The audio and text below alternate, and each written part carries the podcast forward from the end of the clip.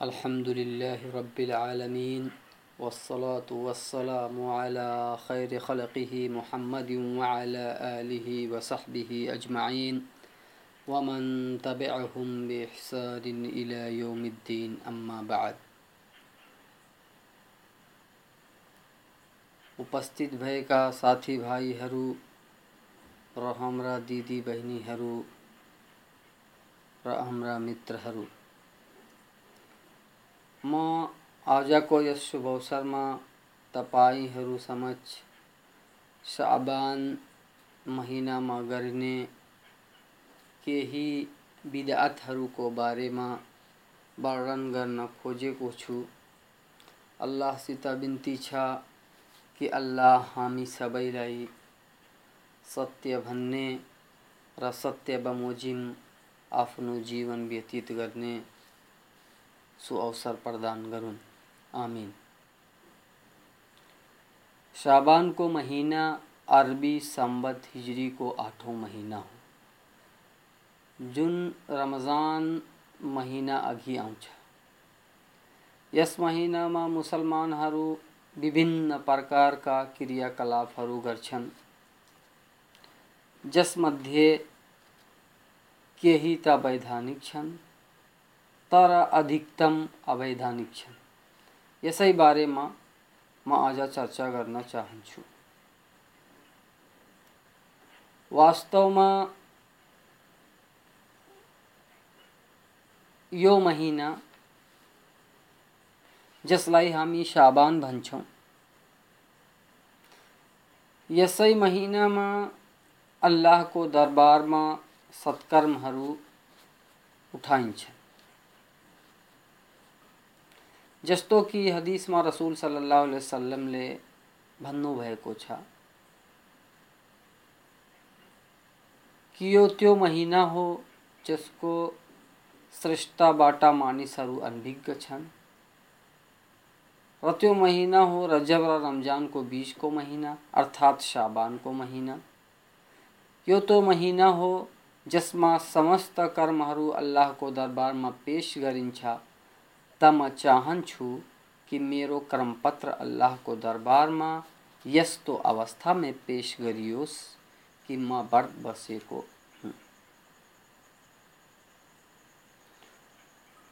यसलाई नेसैले रवायत गर्नुभएको छ वर्णन गर्नुभएको छ र यस्तै यो हदिस अरू विभिन्न शास्त्र ग्रन्थमा छन्, र यस हदिसलाई अल्लामा अल्बानीले सही पनि भन्नुभएको छ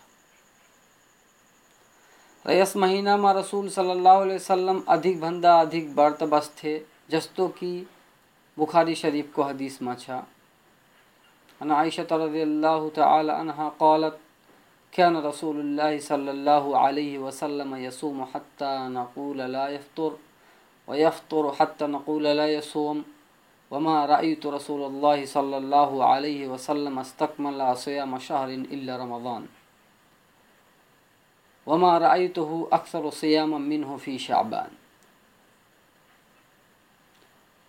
अर्थात हज़रत आयशा को वर्णन छा कि रसूल सल्लल्लाहु अलैहि वसल्लम जब अबर्त बसन आरंभ करथे, त हामी हरुलाई प्रतीत हुन्थ्यो कि अबा खाना खानु हुन्न, अर्थात इफ्तार गर्नु हुन्न। जब इफ्तार गर्न आरंभ गर्नुहुन्थ्यो त हामीलाई यो प्रतीत हुन्थ्यो कि अब व्रत बस्नुहुन्न र मैले रमज़ान बाहेक उहाँलाई कुनै पनि महिनाको पूर्ण व्रत बस्दा हेरेको छैन।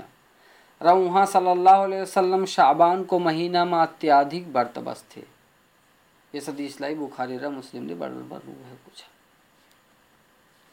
गर्नुभएको छ उपरोक्तका दुवै हदिसबाट यो प्रष्ट हुन्छ कि यस महिनामा रसुल सल्लाह वसलम व्रत बस्थे ताकि रमज़ान रमजानभन्दा पहिला नै व्रत बस्ने बानी बसालियोस्। र रमजानमा कुनै कष्ट नहोस्। र यस महिनामा अल्लाहको दरबारमा क्रमपत्र पेश व्रत को अवस्था में होन् त हामीलाई पनि यो चाहियो कि वहाँ को पद्धति में हिडने प्रयास गरौँ र यस महिनामा अधिक भन्दा अधिक व्रत बसौँ ताकि रसूल सल्लल्लाहु अलैहि वसल्लम को सत्य उम्मती बनने सौभाग्य प्राप्त होस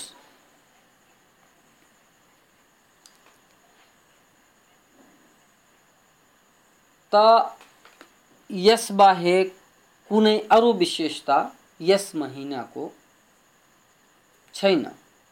खास गरी पन्ध्र साबानको बारेमा जुन हाम्रो समाजमा भनिन्छ त्यो प्रमाणित छैन। त अब कुरा गरौँ पन्ध्र साबानको जसको बारेमा हाम्रा पेट पालु मौलानाहरू उत्सवको रूपमा मनाउँछन् यस दिनको को बारे में मात्र एक हदीस हसन दर्जासम्म पुग्छ हसनको अर्थ यो हो कि त्यो हदिस सही त छैन, तर त्यसै जस्तो अरू धेरै हदिस वर्णित छन्। यसै कारण त्यो हदिसलाई हसन अर्थात् सही हदिसको न्यूनतम दर्जामा पुगाउन सकिन्छ। तर यदि यसको मुकाबलामा कुनै सही हदिस वर्णित होस् भने यस हदिसमा कर्म गर्नु उचित हुँदैन। तात्पर्य यो कि यस पन्ध्र साबानको विशेषताको लागि मात्र एउटा हदिस वर्णन छ, त्यो पनि पूर्णतः सही छैन। र अर्को कुरो के छ भने, यस हदिसद्वारा यो कदापि प्रमाणित हुँदैन कि यस दिन वा रात्रिको कुनै विशेषता छ, जस्तो कि म अर्को हदिसबाट प्रमाणित गर्नेछु। ध्यान दिनुहोस्। हदिस यो हो। जसको अर्थ हो। रसूल सल्लल्लाहु अलैहि वसल्लमले भन्नुभयो शाबान महिनाको मध्याह रात्रि पन्ध्रौँ रात्रिमा अल्लाह आफ्नो सृष्टिमाथि दयादृष्टि गर्छ। अनि बहुदेववादी अर्थात् मुश्रिक र झगडालु मान्छे बाहेक जुन किन कपट राख्छ आफ्नो समस्त सृष्टिलाई मुक्ति र क्षमा प्रदान गर्छ। यस हदिसलाई बैहकीले तिन हज़ार छ सौ चौहत्तर नम्बरमा वर्णन गर्नुभएको छ र तबरानीले हदिस नम्बर दुई सौ पन्ध्रमा मुजमुल औसत और मुजमुल औसत में हदीस नंबर छः हज़ार नौ सौ सड़सठ में यो हदीस वर्णित छ।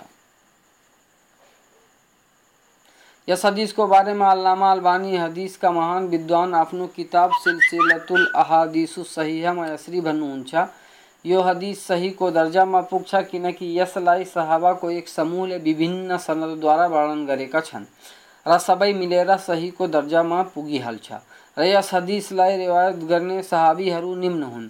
Muaz bin Jabal, Abu Thalaba Abdullah bin Amr, Abu Musa al Ashari Abu Huraira, Abu Bakr Siddique Auf ibn Malik र हज़रत आयशा रज़ी अल्लाह अनहुम अजमाइन सिलसिलतुल अहादीसु सहीहा लिल अल्बानी, भाग नंबर तीन, पेज नंबर 135 तर हेर्ने योग्य कुरा यो छ कि, के यस हदिसबाट यस रात्रिको कुनै विशेषता सिद्ध हुन्छ? हेर्नुहोस् यस हदिसद्वारा जुन विशेषता सिद्ध गर्ने प्रयास गरिन्छ, त्यो यसै रात्रिको लागि विशेष छैन। बरु सालका समस्त रात्रिलाई यो विशेषता प्राप्त छ।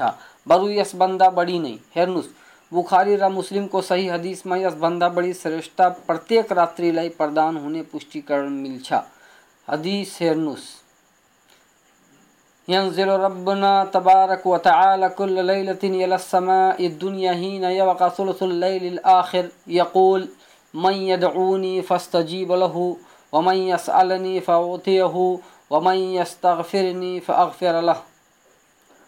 अर्थात रसूल सल्लल्लाहु अलैहि वसल्लम को भनाई छ कि, हाम्रो पालनकर्ता प्रत्येक रात्रि को तेस्रो खण्डमा अर्थात् तेस्रो भागमा संसारी आकाश में अवतरित हुन्छ र भन्छ कुनै दुआ गर्नेवाला छ, जसको दुआलाई म कबुल गरौँ कुनै मसित माग्नेवाला छ जसलाई म प्रदान गरौँ कुनै मसित क्षमा याचना गर्नेवाला छ जसलाई म क्षमा प्रदान गरौँ बुखारी हदीस नंबर एक हज़ार एक सौ पैँतालिस र मुस्लिम हदिस नम्बर सात सौ अट्ठाउन्न त यस सही हदिसबाट यो प्रष्ट हुन्छ कि सबैलाई क्षमा गरिने कार्य साबानको पन्ध्रौँ रात्रिको लागि विशिष्ट छैन।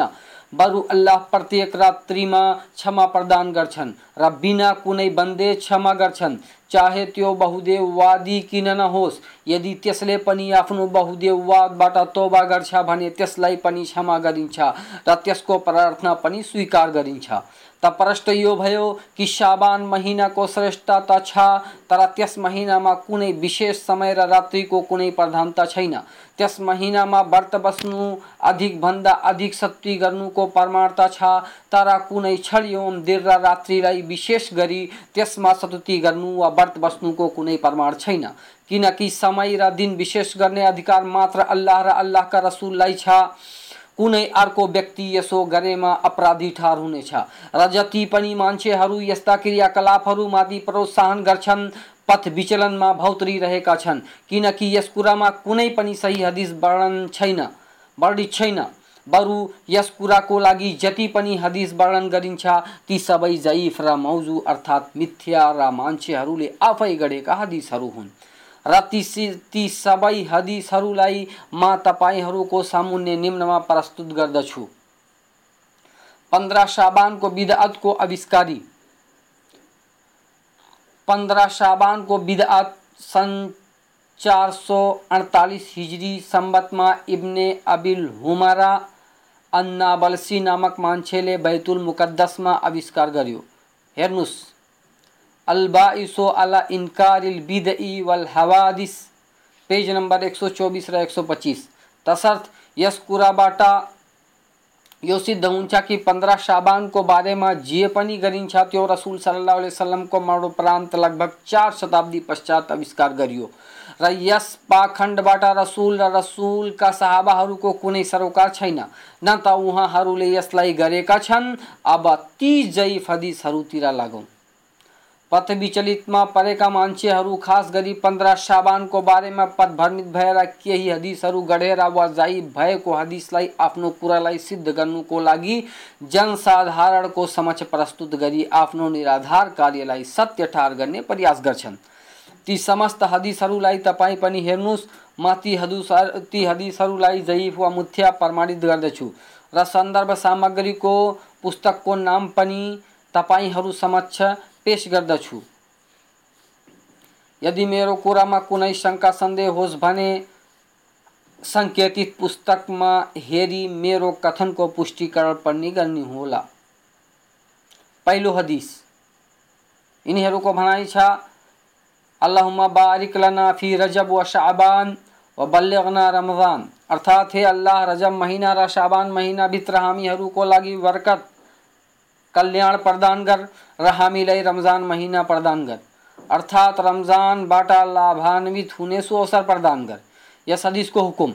यो हदिस जयीब छ पुस्तक पुस्तकहरूमा हेर्नुहोस् किताबुल अजकाल लिन्नौवी, मिजानुल एतदाल लिजहबी भाग नंबर तीन, पेज नंबर छियानबे दारुल कुतुबुल इल्मिया बाटा सन उन्नीस सौ पंचानवे ईस्वी में प्रकाशित भएको संकलन।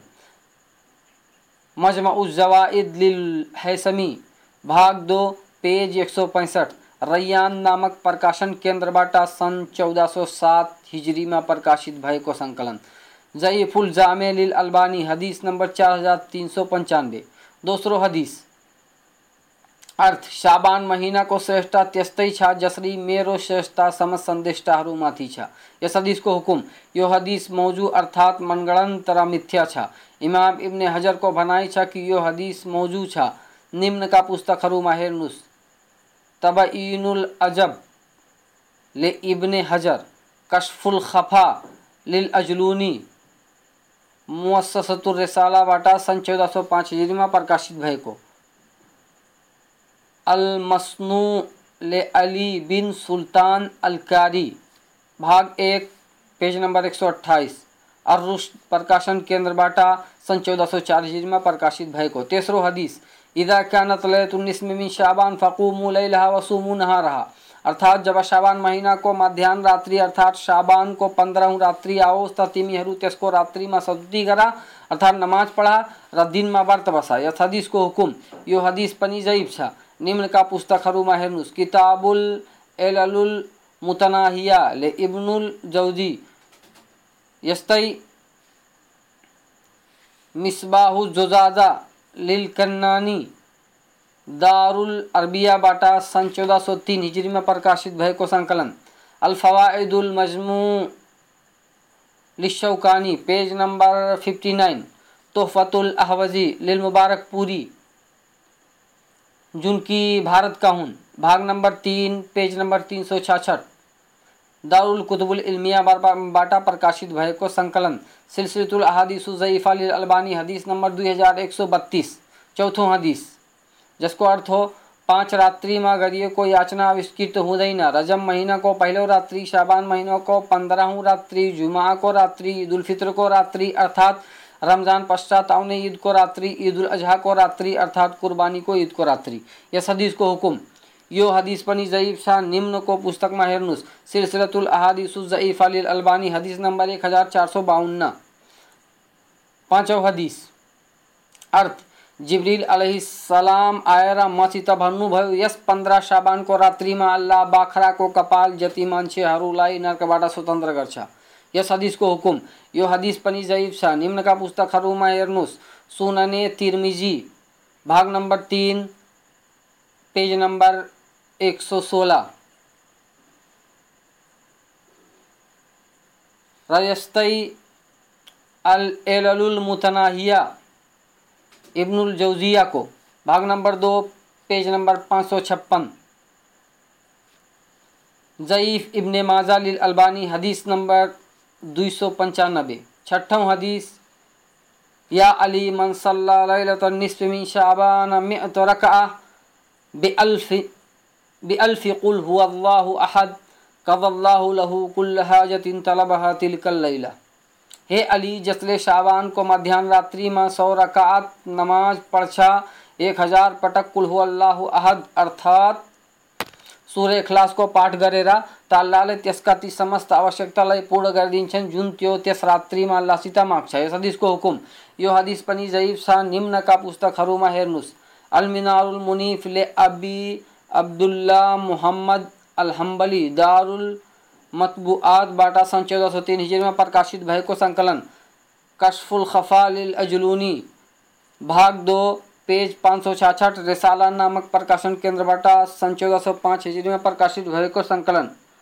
अल्फवादुल मजमू, लिशौकानी, पेज नंबर पचास, नकदुल मनकूल, लिजरई, भाग एक, पेज नंबर पचासी, दारुल केदा दारुल कादरी नामक प्रकाशन बाटा, सन चौदह सौ ग्यारह हिजरी में प्रकाशित भय को संकलन। सातों हदीस मन कराया लैलत निस्फ मिन शाबान अल्फ मर्रा कुल हुवल्लाहु अहद बअसल्लाहु इलैहि मियत अल्फ मलक युबश्शिरूनहु अर्थात जसले शाबान महीना को मध्यान्ह रात्रि में एक हज़ार पटक कुल हुवल्लाहु अहद अर्थात सूर्य इखलास को जप गर्छ त त्यसलाई शुभ संदेश सुनाउनको लागि अल्लाह एक लाख फरिस्ताहरूलाई अवतरित गर्छ। यस हदिसको हुकुम।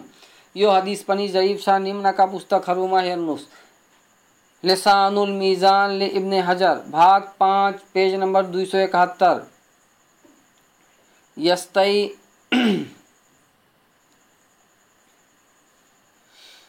नकदुल मनकुल लिजरई भाग एक, पेज नंबर पचासी, दारुल कादरी प्रकाशन केंद्रबाट सन चौदह सौ ग्यारह हिजरी में प्रकाशित भएको सङ्कलन अलमिनारुल मुनीफ ले अबी अब्दुल्ला मोहम्मद अल हम्बली अल इस्लामिया प्रकाशन केंद्रबाट सन् चौदह सौ तीन हिजरीमा प्रकाशित भएको सङ्कलन आठौँ हदिस, मन सल्लल्लाहु शाबान मर्रा कुल शफ़ कद इस्तौजबुन्नार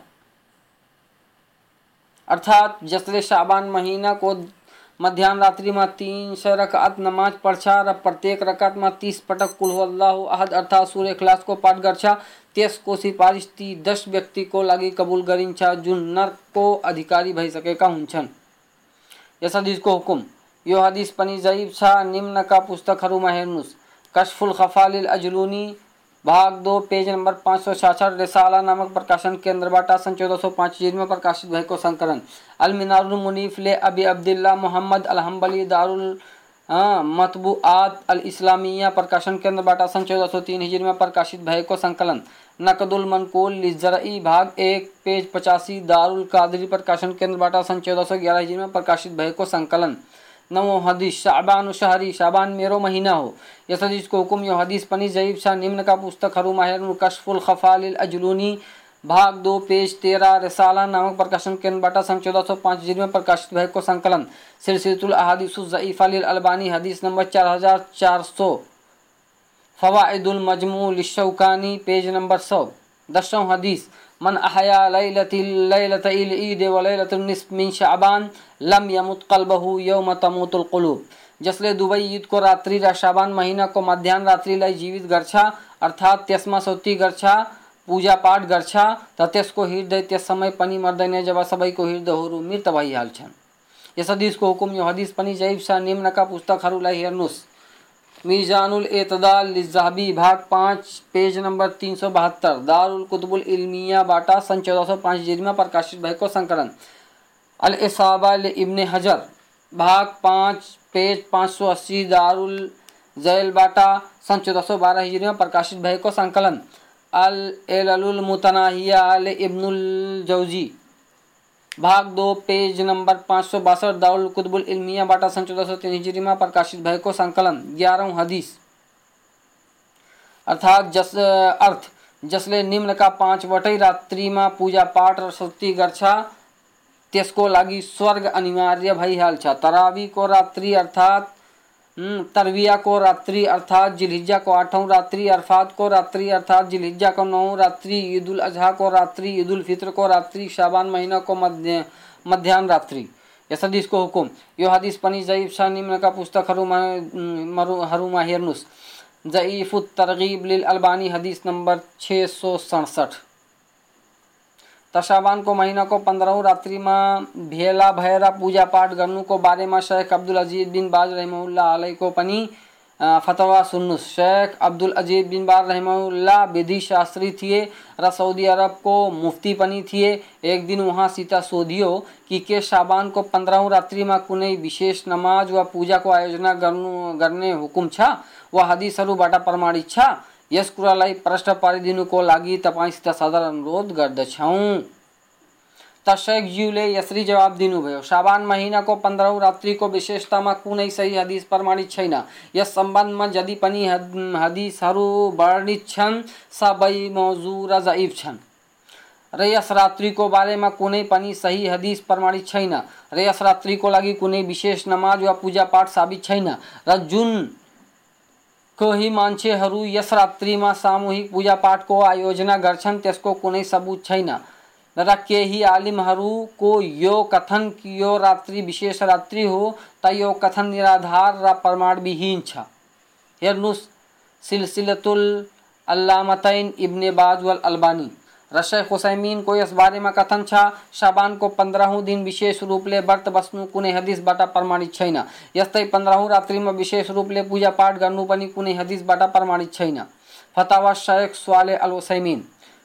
र हाफिज इब्ने देहियाको भनाइ छ अहलुत्तअदिल वल जेरहका विद्वानहरूको भनाइ छ कि पन्ध्र शाबानको विशेषताको बारेमा कुनै पनि सही हदिस छैन। ताहे अल्लाहका तिमी तिमीहरू, यस्ता झुटा सीता बच बच जुन आफै गढेर हदिस वर्णन गरोस् र त्यसको तात्पर्य यो होस् कि यस हदिसको माध्यमले भलाइ गरियोस्। तर जुन भलाइको कार्य अथवा कार्यशैली रसुलसित प्रमाणित नहोस्, त्यो सही र सत्य र राम्रो हुनै सक्दैन। चाहे त्यसलाई कुनै राम्रो उद्देश्यले आविष्कृत किन नगरियोस्। ताहे भाइ, यस्ता शैतानहरूसित बचा किनकि यिनीहरू शैतान वा शैतानका सहायक हुन्। अलबाइसो अला इनकारिल बिदई वल हवादिस ले अबी शमाम अल मकदसी पेज नंबर 126 त उपरोक्तका कुराहरू र हदिसहरूबाट यो प्रष्ट हुन्छ कि साबानको पन्ध्रौँ दिन र रात्रिको कुनै विशेष विशेषता छैन। बरु अरू दिन रात्रि झैँ समान तसर्थ त्यस दिन विशेष रूप रूपले व्रत बस्नु र त्यसको रात्रिमा भेला भई सामूहिक तरिकाले पूजापाठ गर्नु आदि सबै प्रमाणविहीन र अमान्य छन्। र यी सबै कार्यहरू विधातको सीमाभित्र आउँछन्। त यस्ता कुराहरूमा प्रोत्साहन दिने र यस्ता कार्यहरूतर्फ आह्वान गर्नेहरू पाखण्डीहरूसित बाँच्नु अति आवश्यक छ। र यसबाहेक केही अरू विधातहरू जुन यस महिनामा गरिन्छ, त्यसमध्ये केही प्रमुख विधातहरू निम्न हुन्। पन्ध्रौँ साबानको दिन विशेष रूपले व्रत बस्नु जसलाई अघि नै वर्णन गरेँ।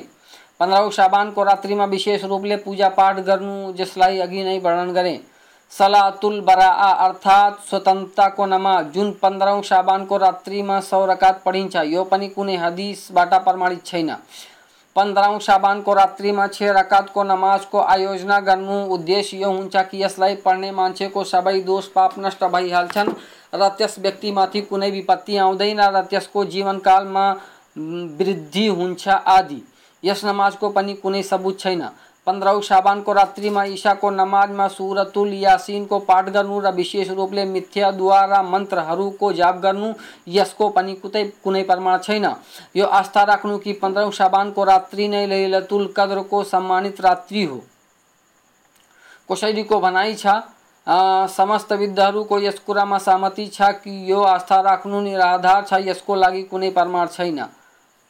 असुनन वल मुबतदियात पेज नंबर एक सौ छियालीस।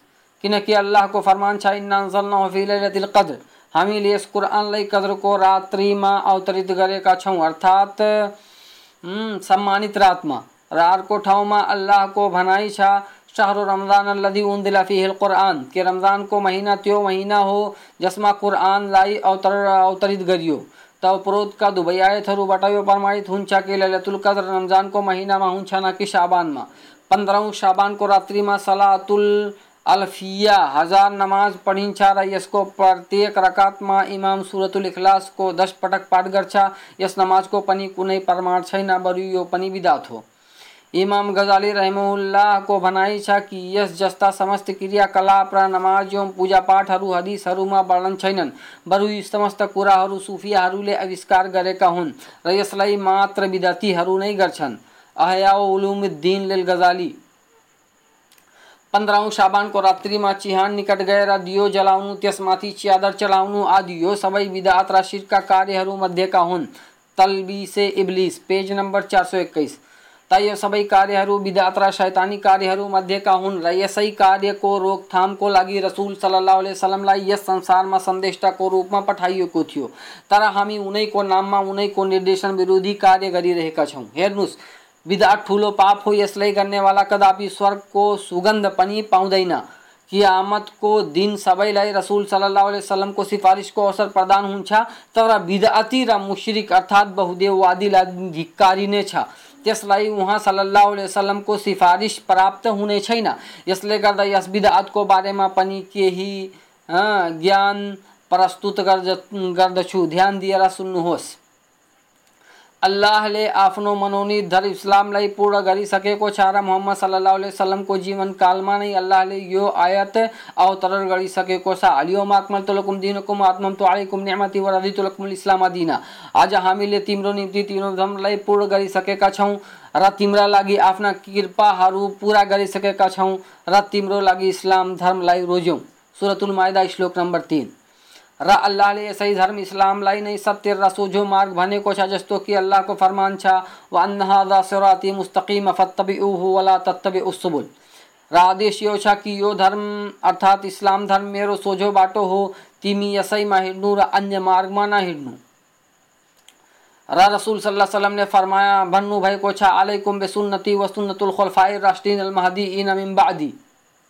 तिमीहरू ममाथि र मेरो पद्धतिमाथि र म पश्चात मेरो सदाचारी सुमार्गी उत्तराधिकारीहरूको पद्धतिमा माथि चल्नु अर्थात् त्यसलाई दृढतापूर्वक समाति राख्नु। र अर्को ठाउँमा रसुल सल्लाह सल्लमले भन्नुभएको छ मन आमेला आमलाई सालै हाम्रो नफा वरत जसले कुनै यस्तो कार्य गरो, जसको आदेश हामीले गरेका छैनौँ, त त्यो कार्य आविष्कृत छ, बुखारी, मुस्लिम। र अर्को ठाउँमा रसुल सल्लमले भन्नुभयो, मन अहद सफी अमरिना हादा मालै समिन वरद जसले हाम्रो धर्ममा कुनै यस्तो कार्यको आविष्कृति गर्यो, जुन हाम्रो धर्म मध्येको होइन, त त्यो कार्य आविष्कृत छ। बुखारी हदिस नम्बर दुई हज़ार छ सौ सन्तानब्बे। र अल्लाह ताला भर्छन् जसले उनको आदेशको अवहेलना गर्दछ, अर्थात् जसले रसुल सल्लाह सल्लामको आदेशको अवहेलना गर्छ, उनीहरूलाई तर्स्नुपर्छ कि कहीँ यस्तो नहोस् कि उनीहरूमाथि कुनै ठुलो विपत्ति आइपरोस् अथवा उनीहरूमाथि कुनै दुःखद यातना आइलागोस्। सुरतुल नूर, श्लोक नम्बर त्रिसठ। त उपरोक्तका प्रमाणहरूबाट यो स्पष्ट हुन्छ कि बिदात ठुलो र जघन्य अपराध हो। र बिदातको अर्थ हो कुनै यस्तो कार्य सुकर्म ठानेर गर्नु जसलाई अल्लाह र अल्लाहका रसुलले गर्ने आदेश दिएका छैनन्। त साबानको महिनामा जति पनि क्रियाकलापहरू गरिन्छ, सबै बिदात हुन्। त मेरो तपाईँहरूसित यो अनुरोध छ। कि तपाईँहरू यस महिनामा विदातहरू नगर्नुहोस् यदि तपाईँलाई गर्नु छ भने यस महिनामा सत्कर्महरू गर्नुहोस् र यस महिनामा रसुल सल्लाह सल्लम झै व्रत बस्नुहोस् तपाईँलाई कोही पनि रोक्दैन। तर यदि तपाईँहरू विदात गर्नुहुन्छ भने याद राख्नुहोस् न त तपाईँको ठेगाना र प्रशान्ति यसै संसारमा मिल्छ, न त परलोकमा नै तपाईँलाई कुनै प्रशान्ति मिल्नेछ। बरु तपाईँलाई हौजे कौसरबाट पानी पनि मिल्दैन र तपाईँलाई मैदाने महसरमा अर्थात् महसरको चौरमा तपाईँलाई कुनै पानी अथवा छाया मिल्दैन। बरु तपाईँलाई फरिस्ताहरू मुखको बल, अनुहारको बल जहन्नममा पुरिदिनेछन्। मेरो अन्तमा अल्लाहसित यो याचना छ कि अल्लाह हामी सबैलाई सुकर्म गर्ने सुअवसर प्रदान गरून् र हामी सबैलाई बिदातबाट बचाउन्। र विशेष गरी यस साबानको महिनामा बिदातबाट बचाउन्। वाखरुद्दावान अनिल रब्बिल आलमिन